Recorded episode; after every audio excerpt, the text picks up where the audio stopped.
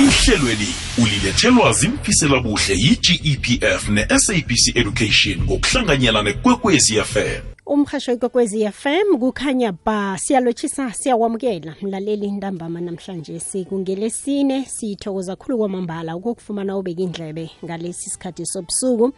Kazi nawo sanda uvulela njenganje umhatsho lo mlaleli awukachaphi mbala yikwekwezi FM kukhanya ba sikwethulela ihlelo lezefundo umthombo welwazi sisoke kusuka njenganje kuzabe kubethe isimbi yechumi mlalelo kokwezi FM khumbula-ke bona-ke silethela ihlelo le-gpf isikhwama semali yomhlalaphasi wabasebenzi bakarhulumende. Ngikhuluma nge-government employee pension fund.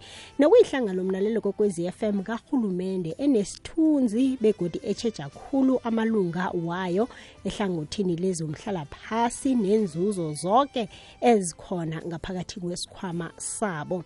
Kunenzuzo nje eziningi ezihlukahlukeneko mlalo kokwezi FM sikhulumile-ke ngezinye begodi-ke sazibuyekeza. Namhlanje sike mlalelo kokwezi FM kileli hlelo sicheje ukubuyekeza imininingwane yakho nanyana ukulungisa imininingwane yakho. Kanengi-ke kuthiwa ukungatshetshi mlaleli kuyabiza. Eh namhlanje sike sikhulumisana ke ngokulungisa imininingwana yakho ukuze kube lula ukubadeleka kwemali yakho yomhlala phasi uthi bowazi mlaleli bona ke iphutha nje elincane emininingwaneni yakho lingariyadisa ukubadeleka kwemali yakho yomhlala phasi kesinye nje isikhathi kungaba ngaphezu kwalokho um mhlambe ke ungaka ungabhadeleki ungayitholi vele nje imali yakho yomhlala phasi njeke ukuthola ilwazi elingeneleleko ngendaba ke esiphethelekele imlalelo kokwezi FM sikhambisana nesithekeli sethu esivela kwa GPF uKfas Silolo. Kazimthinaniso omkhulu wama-client lapha kwa-GPF ku-region yangePumalanga uzosinikela ilwazi lonke emayelana-ke nezinye indaba ezithinda-ke ukulungisa imininingwana yakho. Kanti kuzokuthi kusenjalo mlaleli nawe sekunikele ithuba usidosele umtato nangabe unombuzo nanyana ugadangise iphimbo lakho kuwhatsapp. Kanti-ke inomboro yomtato ithi 086 0003278 ngiyayibuyelela inomboro yomtato ithi 086 000 3278 kuthi ye-whatsapp ithi 079 413 2172 ngiyakwamukela ngiyakulotshisa baba usilolo emhashweni kwekwezi FM Eh ngiyathokoza sister K. Nami ngilotshise kuwe phinde futhi ngilotshise nomlaleli eh kwekwezi sithokoza ukuthatha isikhathi sakho uzoba nathi ehlelweni lethu lezefundo umthombo welwazi no eh, ihlelo lethu le-civic education nolethelwa yi-government employee pension fund. Baba silolo abantu abathola umhlala phasi namalunga we-gpf bangayilungisa kuphi godu nini imininingwana yabo? Cha ngiyathokoza sister K. Ah umuntu uyakhona ukulungisa imininingwane yakhe noma akuphi wena sister K. Uh kuneliform lesibiza ngokuthi iz864 ungalithola noma kuphi la kukhona khona amahhovisi kahulumende ungalibawa leli form. Ebese yaligcwalisa leli form yakhona ukuthi usiposele lona ma ukhona ukuthi seduzana amahhovisi ethu uphinde futhi ulethe wena mathupha. Lokhunye lokhona wena CPK singithi EPF sesiqale ihlelo elisha lesilibiza ngokuthi i-GEPF app. La khona khona ungakhona ukudownloadela i-app yakho efonini yakho smartphone ebese uyaregistera lapho kule app yakho. Kule app yakho CPK uyakhona ukuthi mhlawumbe unga-update ama-details akho njengama-beneficiaries nama-address akho. So umuntu makakhona ukuthi mhlawumbe uyakhona ukuberegisa le smartphone angakhona ukuziregisterela lapho. Noma azitholele leli form la ka-Z864 lesiza ngokuthi updating of personal information ebese usinikela imininingwane yakho ehleleke kuhle. Mhm. Imininingwane ingalungiswa emva kwesikhathi esingangani? Eh 50k imininingwane silungisa njalo nje umuntu makhona lokho akushintshile ngaba mhlambe i-address yakhe yangasekhaya makayishintshile uyakhona ukuyilungisa. Eh mhlawumbe umuntu akasachadile bese uyadivorce nakhona lokho sisitike kuqakatheke kakhulu ukuthi umuntu asithumelele imininingwane ye-divorce sibe nayo lapha kule system. Mhlawumbe nje umuntu nje ukhambile watshintsha isibongo sakhe nalapho sister case yabawa nje ukuthi umuntu alungise imininingwane. Eh izinto ezifana nama cellphone nama email ngoba nazo siyasifuna ukuthi sibe nazo kulama record umuntu uyakhona ukuthi amakashintshe nje cellphone asinikele imininingwane yakhe emishasha. Mm kuzwakala kuqhakathekile babu Silolo. Mhlambe ke ungamnabela umlaleli kwekwez FM umqinisekise ukuthi lokho kungamsiza kangangani. Ukusitshele nange nomination form. Eh ukuthi umuntu asinikele imininingwane yakhe ehleleke wena 60k kuhelebha ngokuthi i-GEPF eh ngenyanga nenyanga kulabanye bayawathola la babiza ngokuthi ma benefit statement. La khona sibakhombisa khona ukuthi izinto zabo zengeyimali zikhamba njani zikhamba kuhle noma kanjani. Eh lokho kuhelebha ukuthi ilunga laka GEPF lithole lemininingwane leyo. Eh siphinde sifuthi wena 60k sibe nama newsletters la buya khona kwiboard yethu nalokho kuyamhelebha ukuthi umuntu wena 60k ayithole lemininingwane leyo. Nakuthi sakhulumile ngokuthi sinale form silibiza ngokuthi i-nomination of beneficiaries.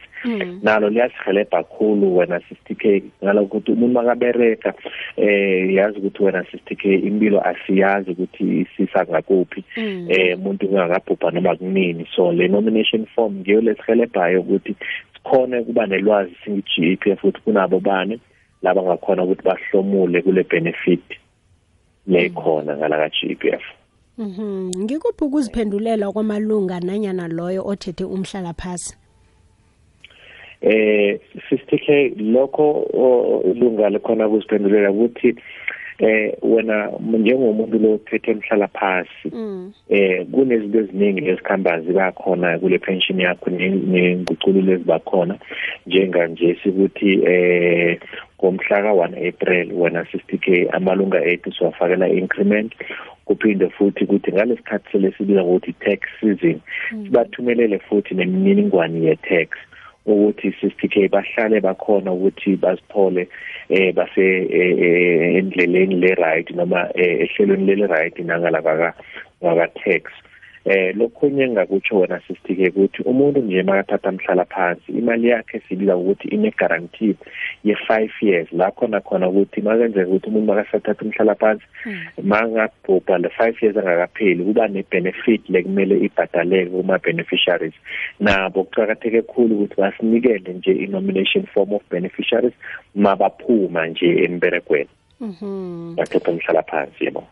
Manje baba Silolo imininingwane yakade engakalungiseki mhlambe ke ingaba namiphi imiphumela ekubhadeleni kwemali yelunga lakwa GPF iba nemiphumela emikhulu kakhulu wena 60k ngingasinje ukubhadaleka le mali ka ka pension ngoba singi GEPF wena 60k si khona ukuthi si confirm mhlawumbe imininingwane esinayo kwa home affairs. Ngayenza nje isibonelo sokuthi mhlawumbe mina ngingusilolo nje singiyakhamba ngishintsha isibongo.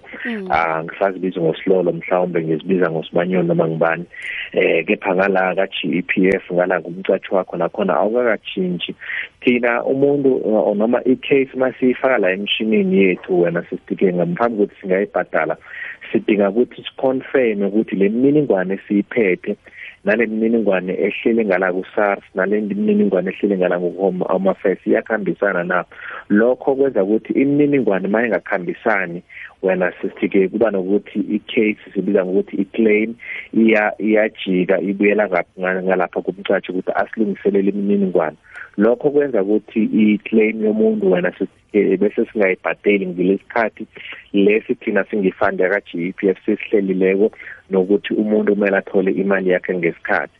Lokho kwenza ukuthi wena sifike kube nama complaints lamaningi ukuthi bantu hayi f ayibhadali imali ngesikhathi kepha ke kulokho kwenza ukuthi ngile mininingwane esinayo engakahleleki kuhle Mhm. Ngiba wakhe siyogwinyamathe babo silolo sokubuya sirakele phambili nenkulumo yethu. mlaleli ihlelo lakho liyabuya side by side khumbula ukubana i-side by side lihlelo elisiza umbelethi omutsha ngentshitshilo acalana nazo ngokukhulisa umntwana. Lalela isiqephu sokuthoma se-side by side ngen-23 kutshirhweni uzitholele lonke ilwazi oluhlogako mbelethi.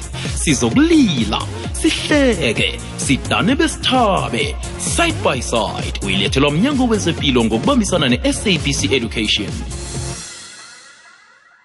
usalalela umhasho ikwekwezi FM kukhanya ba lihlelo lezefundo ihlelo i-civic education olethelwa yi-GEPF i-Government Employee Pension Fund. Namhlanje simlaleli siku-episodi yethu yechumi nanye isicetshana sethu sechumi nanye.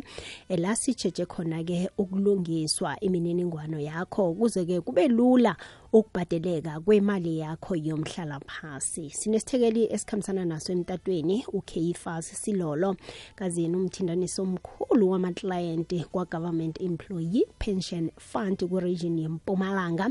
Nguye-ke osipha ihlathululo umlaleli ngesihloko sethu sanamhlanje si ngiyayivula-ke njenganje-ke imtato ungathoma usidosele mlaleli ku-086 000 3278 ngiyayibuyelela inomboro ithi 086 triple zero 3278 inomboro yethu othi ungasidosela kiyo mlaleli bese-ke uyazwakala emhashweni igwegwezi FM khumbula-ke ungasebenzisa nephimbo umgadangiso enomborweni ethi 079 413 2172 079 413 2172 ngiyo inomboro yethu ye-whatsapp leyo. Asiragele phambili-ke babusilolo sithokoze khulu kwamambala ukusibambela. Njenganje-ke ngizokuba ukuthi njengoba nomlaleli kokwezi FM nangu-ke sele adosa khe simuphe nje ithuba eh, lokuthi-ke abuze bese-ke sikwazi ukuragela phambili neminye imibuzo esalele ngemuva.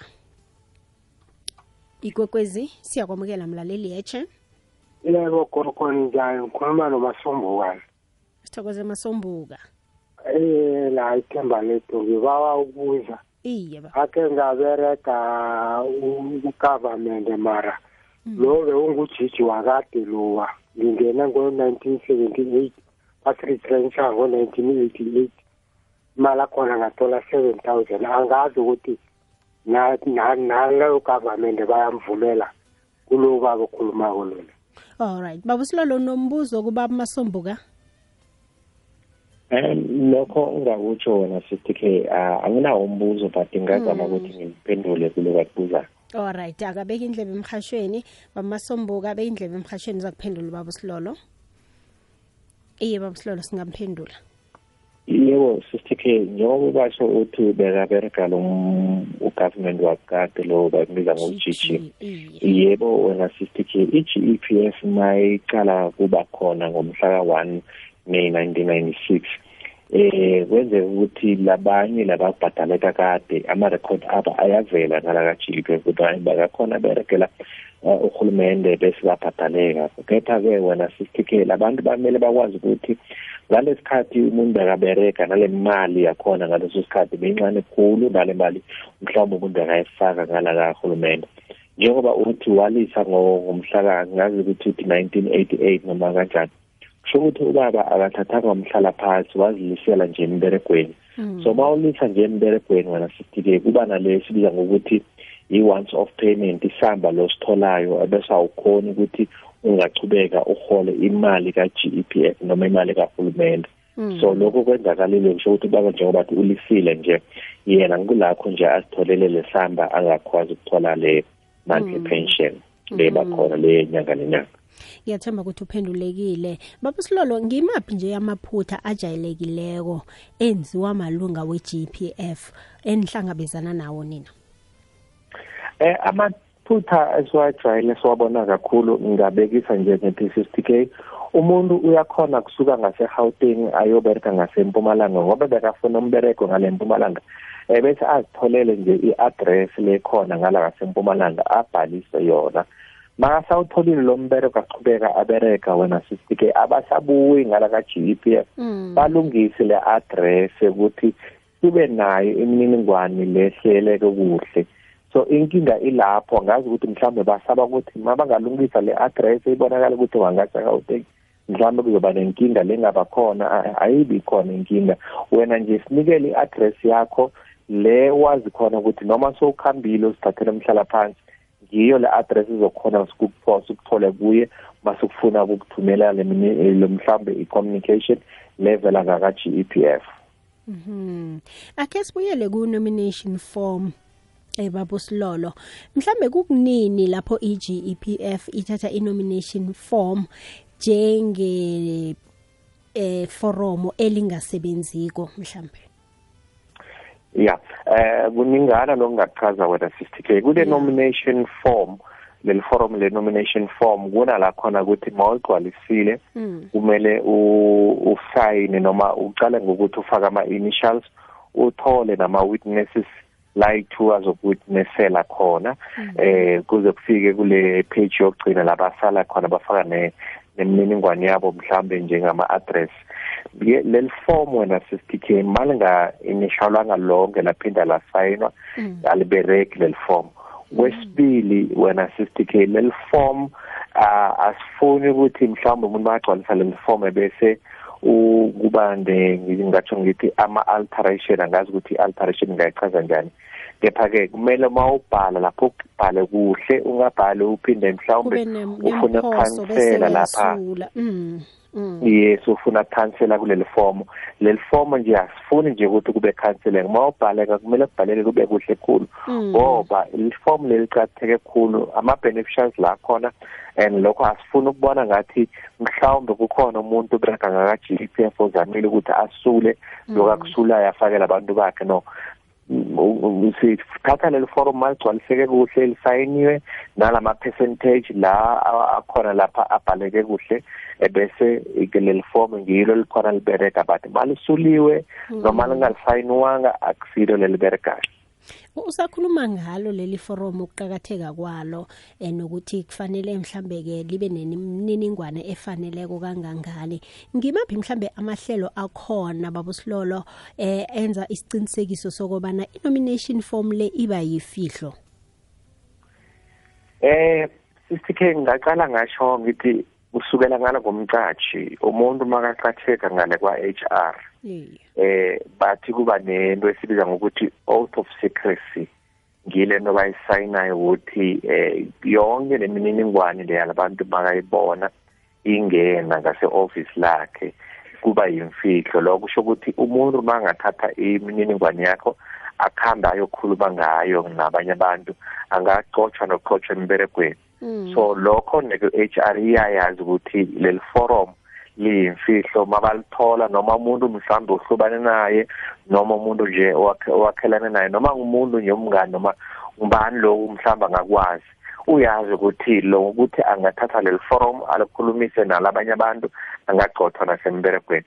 Eh lokwesibili ukuthi wena 60k leli form uma selingenile ngala ngaka GEPF akekho umuntu noma nomnikazi walo lo igcwalisile angabuya athi ngiyalibawa leli foromo ufuna kubona ukuthi nginominate bobani. Ngingaleyo ndlela siyenza ukuthi liqhakatheke khulu ukuthi liyimfihlo and alikhoni ukutholwa le information alikhoni ayikhoni nokuthola noma ngibani ngaphandle kokuthi mhlawumbe umuntu umember aka GEPF asifonele ukuthi leli form ngaligcwalisa ngomhla ka 2010 sengifuna kulichinja ngifakele litsha so liyimfihlo khulu. Bantu bethu bahlale bazi ukuthi akekho umuntu angayezwa ukuthi hayi bekakhuluma ngenomination. Makungezwile ukuthi hayi mhlawumbe ubani waka-HR noma ngubani waka-GEPF bekanikelana ngemininingwane yakho kumunye umuntu. Ungakhona ukuthi ureporte ngala kwa-forensic bakhona ukuthi ba-investigate bathole ukuthi lo muntu ukhuluma ngemininingwane yakho ngendlela enjani. Mhm ngamanye amagama eh mhlambe iGPF ayinalo ilongelo lokuchugulula mhlambe ke iwill nanyana imininingwane ekhona lapho ku nomination form? Yes umuntu ma 60k makasaphila iGPF alichugulule leli form lihlala likhona. Kepha ke kwenzeka ukuthi mhlawumbe usilolo maka nominator angaba nominate labanye bantwana laba anabo basesebancane. Ebese i-GEPF ngoba inelegal and then nathi umuntu makabhubhile masiyobhadala le mali sifaka isibawo ngala ko home affairs ukuchecka ukuthi umuntu bekanabantwana labayingakhi banominathilwe na. Mabangakanominathwa singakhona ukuthi mhlawumbe sikhulumisane nomndeni basifunele labantwana. Ngiyo le ndlela kuphela le iligali yethu ingalichukulula leli fomo ngoba wena ukhambile wangafaki labanye abantu and bakhona abantwana basesemancane iyazwakala. Asikhambe godi siyokusela amanzi baba usilolo sizobuya kodwa siragele phambili nehlelo lethu ahake mlalele kwekwezi fm sisayivulile imtato. Ungasidosela ku-086 000 3278 kanti nakuwhatsapp ungasidosela ugadangise iphimbo lakho kwakhona ku-079 413 2172 uzibuzele umbuzo mayelana nekulumo yethu esiyiphetheko evela kwa-gpf lashetshe khona-ke ukulungiswa kwemininingwano yakho siyabuya. Ngabe ulilunga le-government employee pension fund? Namkha uthola imali yomhlalaphasi begodu bewuthanda ukwazi bona imali yakho yepension ibalwa njani? Kulula lokho. Lalela ikwekwezi fm qobe ngelesine nayimachumi amathathu ngemva kweyethoba ebusuku. Uzokuthola nethuba lokuthi uzibuzele imibuzo esithekelini sethu samhloko ungaphundwa. Gepf your investment your future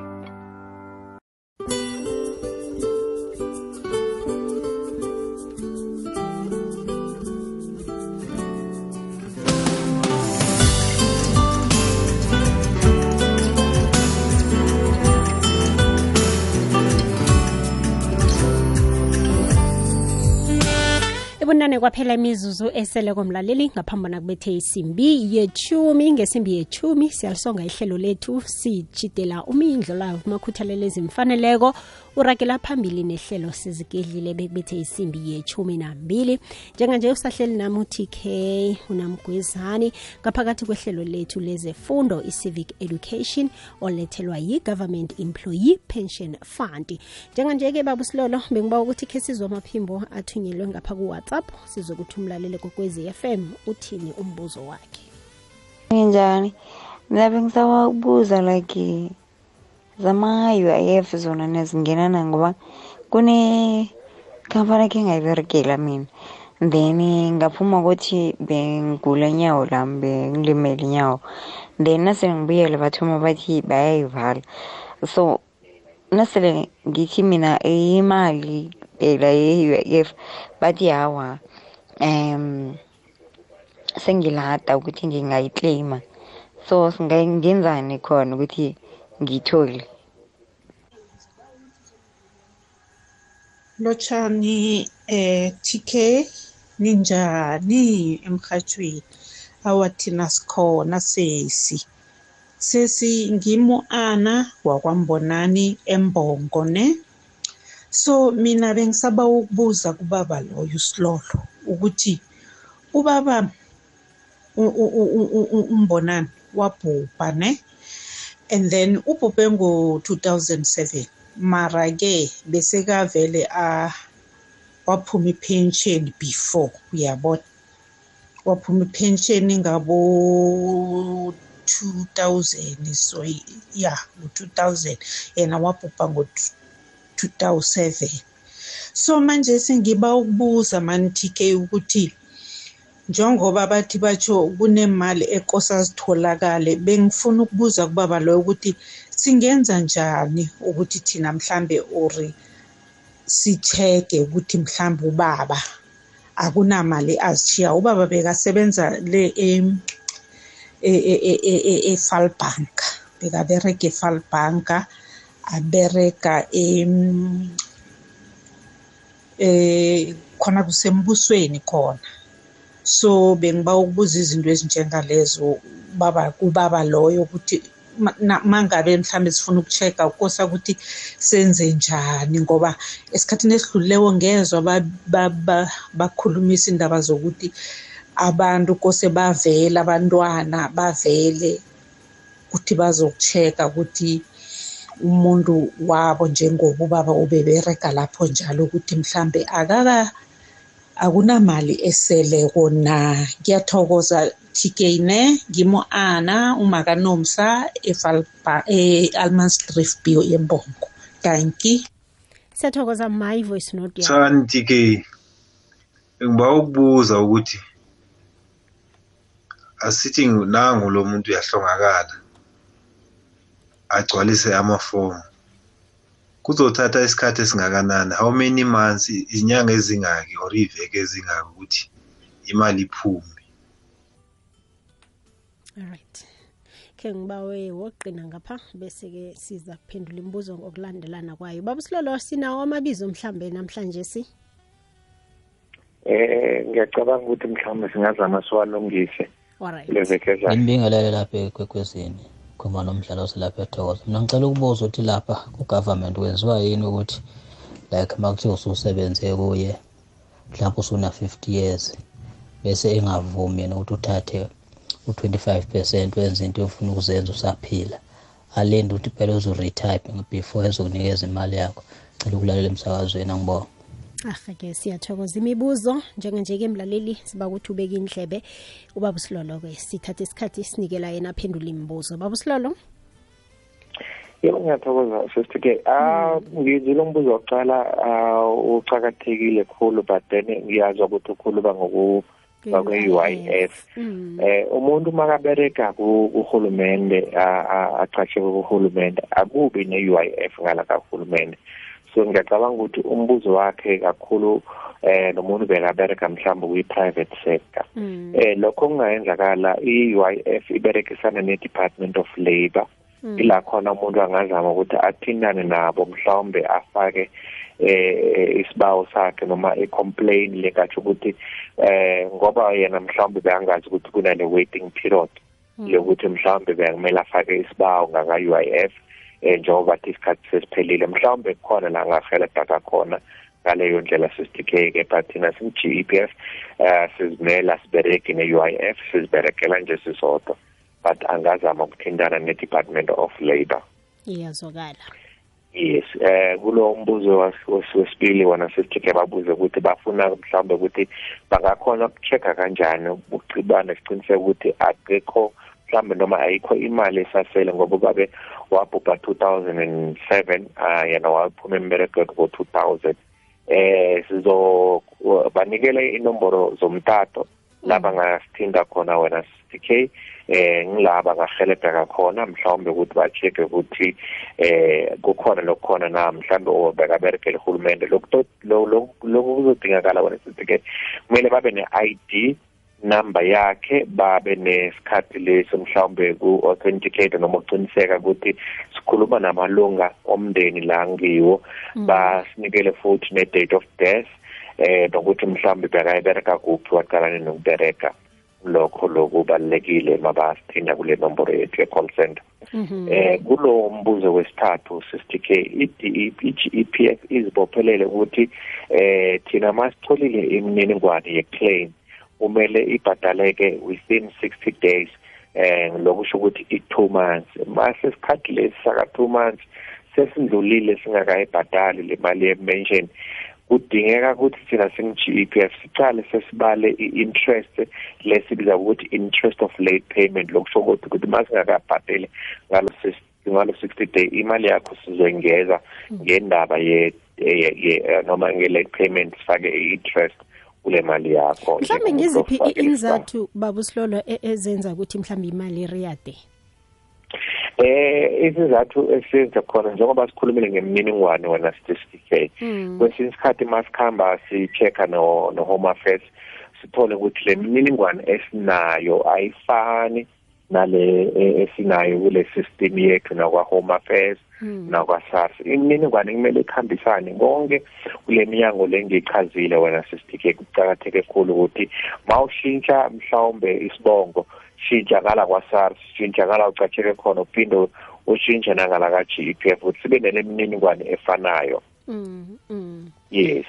Eh kulo mbuzo wesithathu sisitike i-GEPF izimele i-GEPF iphethwe ngomthetho lesibiza ukuthi i-JEP law of 1996 lo mthetho ka-GEPF uthi bonke malunga nama abantu ba-contributor kule fund abakhoni ukuthi bangafaka isibawo sokuthi bakhiphe imali yakho or noma ipension yakhe asabereka uh, umthetho ka-GEPF awukuvumi lokho kwanjesi. Singazi ukuthi mhlawumbe kulesikhathi esizayo 60k bangakhona ukuthi bawuchugulule lo mthetho sikhona ukuthi mhlawumbe sibanikele but kwanje asikhoni ukubanikela le mali noma ngu-25 percent noma ngu-50 percent yepension. Umthetho waka-g p f awuvumi. Mhm. Ake baba Silola asibeke lapha ke kwanamhlanje. Singiba wasitshela umlaleli kokwezi FM inomboro zomtato la nitholakala khona.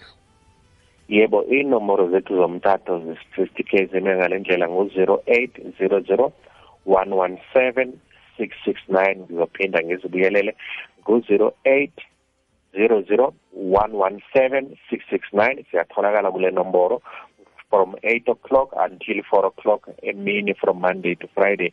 Noma umuntu angasibhalela i-email i-email yethu ithi inquiries at gepf co za. Nayo ngiyibiyelele ithi inquiries at gepf co za. Noma bangazivakatshela kuma-office nale office ngale ngase epretoria gauteng ngale office ngala ngasempumalanga enelspruit ngale office ngala ngase ejoburg nakhona sister k bangangena kwiwebsite yethu ethi www gepf co za www gepf co za kulaba ngathola khona ama-office ethu ukuthi angakuphi nesikhathi lesicala ukuthi sivule ngawo ama-office Ahake baba Silola sithokoza kakhulu kwamambala ube nobusuku obuhle. Ithokoze sister ahake mlaleli kokwez FM besikhulumisana naye emthintaniso omkhulu wama-client lapha kwa-GPF ku-region yempumalanga.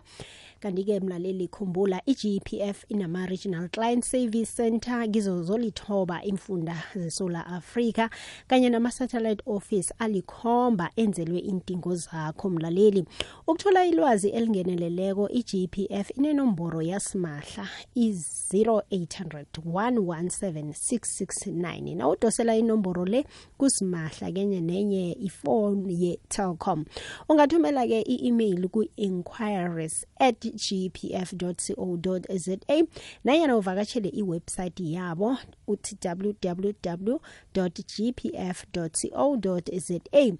Itwitter handle yona ithi at gpf underscore sa sithokozile mlalelo kokwezi FM ukubeka kwakho indlebe.